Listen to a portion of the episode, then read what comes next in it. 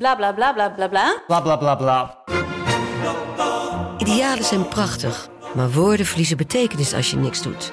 Dus laten we met z'n allen wat minder praten en meer doen. Bij Agmea zijn wij vast begonnen. Zo gaan wij voor minder verkeersslachtoffers, gezonde werknemers en duurzame woningen. Waar ga jij voor? Kijk op www.werkenbijagmea.nl. Ik ben Jacqueline en in de podcast Lust praat ik over relaties, intimiteit en alles wat met lust te maken heeft met ervaringsdeskundigen en experts. Of je nu in een relatie zit, single bent of iets daartussenin, Lust is de podcast voor jou. Overal te beluisteren, dus ook in jouw favoriete podcast-app.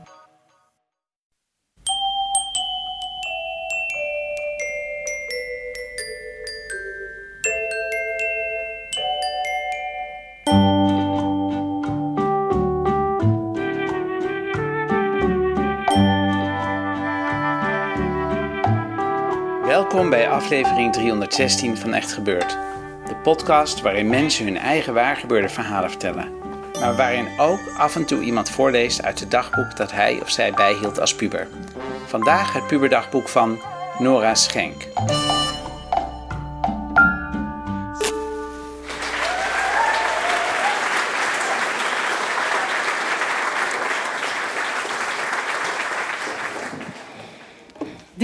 Zijn twee van mijn dagboeken van toen ik 15, 16, 17 was.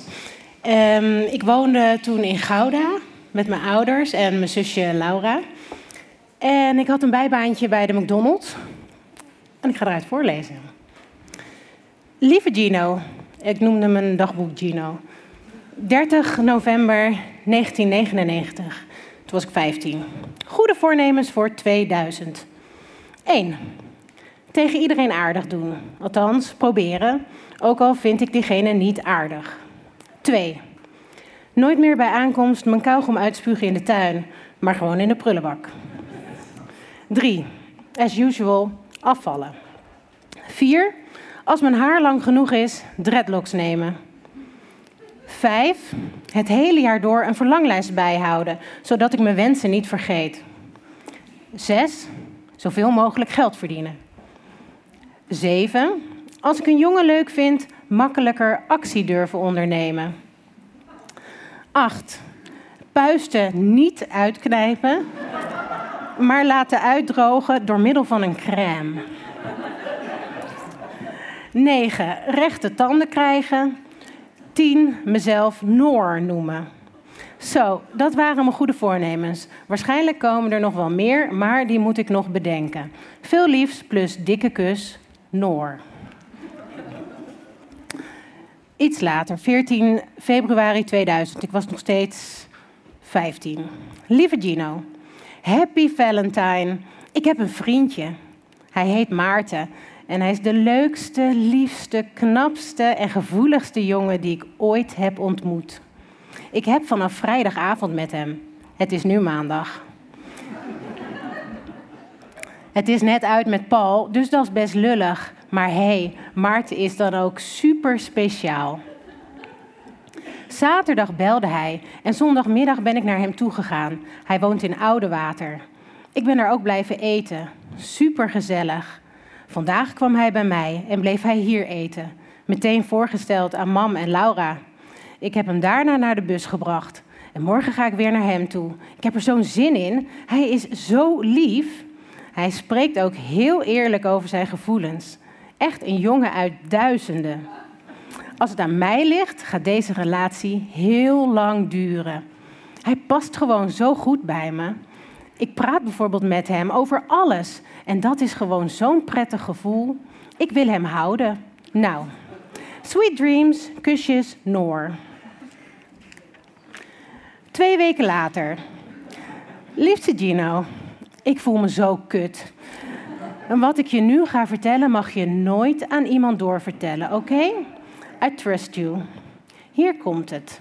Ik heb dus nog steeds met Maarten. Hou dat in je achterhoofd. Gisteren was er een feestje van de McDonald's, een personeelsfeestje in Cheers. Er waren mensen van de McDrive, inclusief moi, en van het centrum.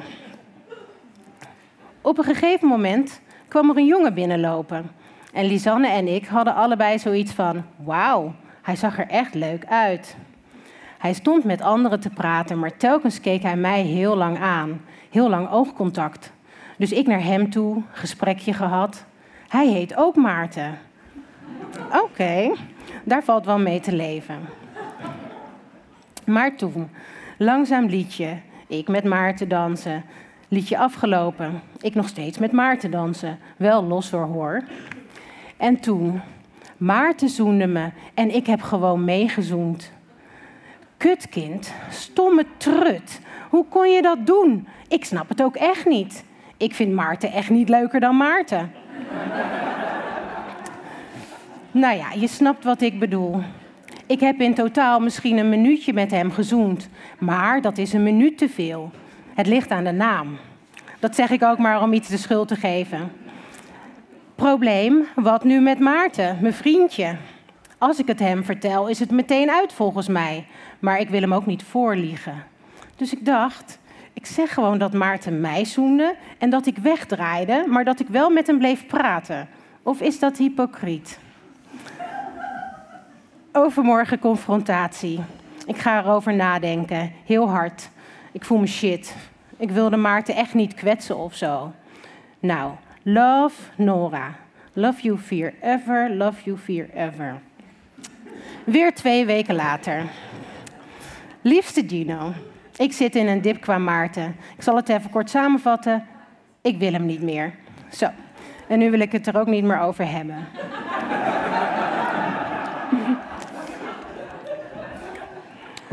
um, weer twee weken later. Lieve Gino, het is uit met Maarten. Ik heb het uitgemaakt. Maar voordat ik het uitmaakte, had ik ook nog gezoend met Jasper. De tweede keer dat ik vreemd ging. Eerst Maarten van de McDonald's en toen Jasper dus. Maar Jasper is Maartens beste vriend. Oeps. Maar het is nu toch uit, gelukkig. Kus, Noor.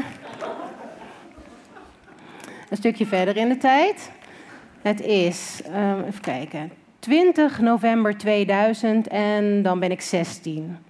Lieve Gino, ik haat het hier. Ik haat het hele leven. Ik wou dat ik op kamer zat. Dan kon ik zelf bepalen wat ik deed. Ik haal ten eerste kutcijfers op school en ik heb er echt fucking hard aan gewerkt. En Gonda, dat is mijn moeder, is gestopt met roken. Nu heeft ze al een week een pesthumeur. Nu heeft ze het ook nog in haar hoofd gehaald dat ik rook. En dan noemt ze me een achterbakse, hypocriete trut. Oké, ik rook ook.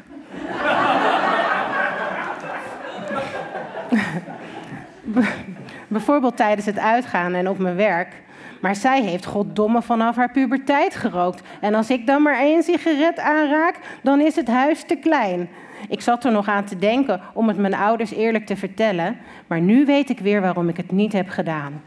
Ik vertel ze dus ook nooit meer iets. En ik heb ook geen zin meer om gezellig beneden te zitten. Nooit meer. Ik wou echt dat ik op kamer zat.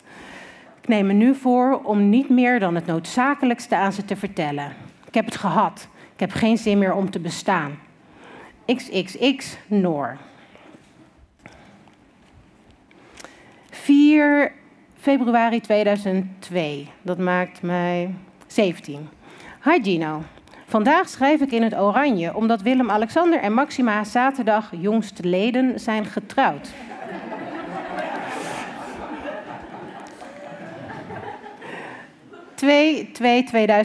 2-2-2002, mooie datum. Nou, gefeliciteerd. Daar zit je dan met zo'n pafzak van een Wim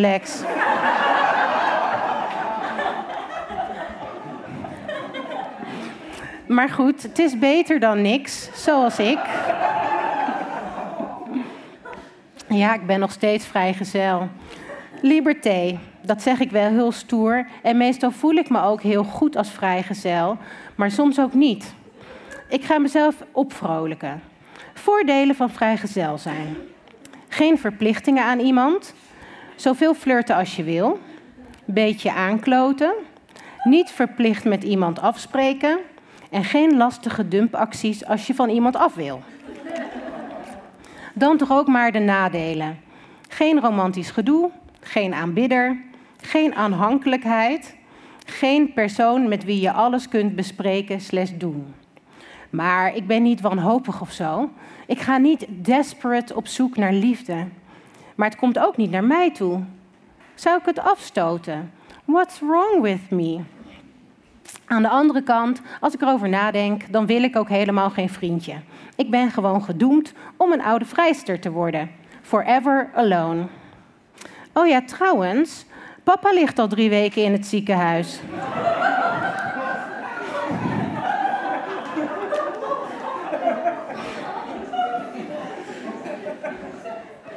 Hij moet een open hartoperatie hebben.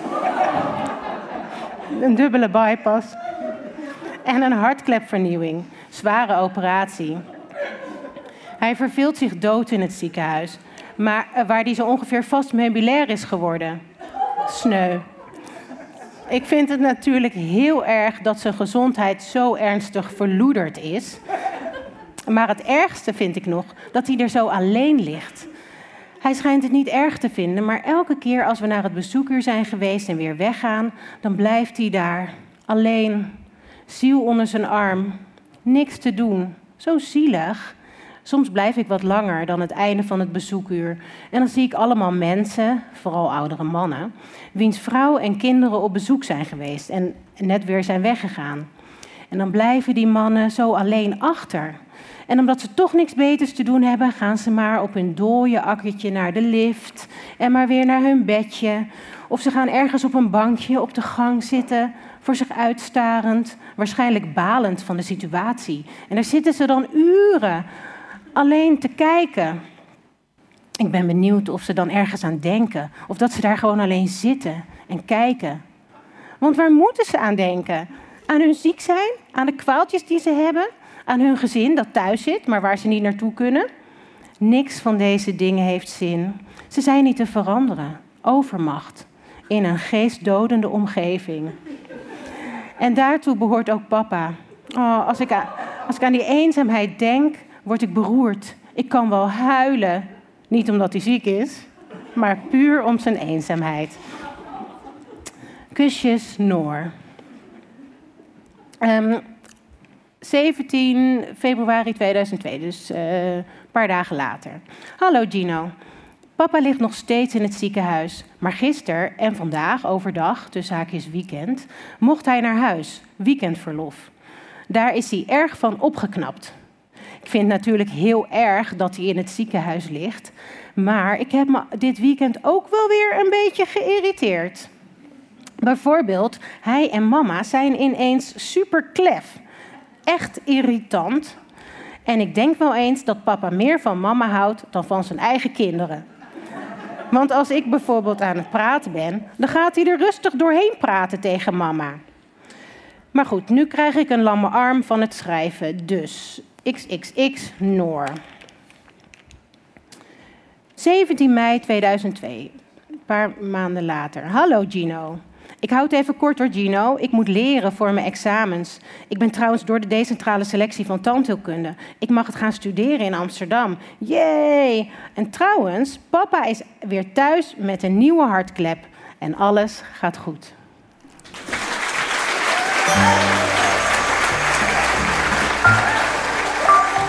Dat was het puberdagboek van Nora Schenk. Nora schrijft tegenwoordig ook beroepshalve. Ze is tekstschrijver en op noraschenk.nl kun je zien wat ze allemaal doet. Als je een gezicht bij de stem wilt, kun je Nora op Instagram vinden als nora.schenk. Echt gebeurd is trouwens ook op Instagram te volgen en op Twitter en op Facebook. Onze redactie bestaat uit Paulien Cornelissen, Maarten Westerveen, Rosa van Toledo en mijzelf, Micha Wertheim. Productie Eva Zwaving, zaaltechniek Florian Jankowski, podcast Gijsbert van der Wal. Dit was aflevering 316. Bedankt voor het luisteren en onthoud, puisten niet uitdrukken, maar laten uitdrogen door middel van een crème.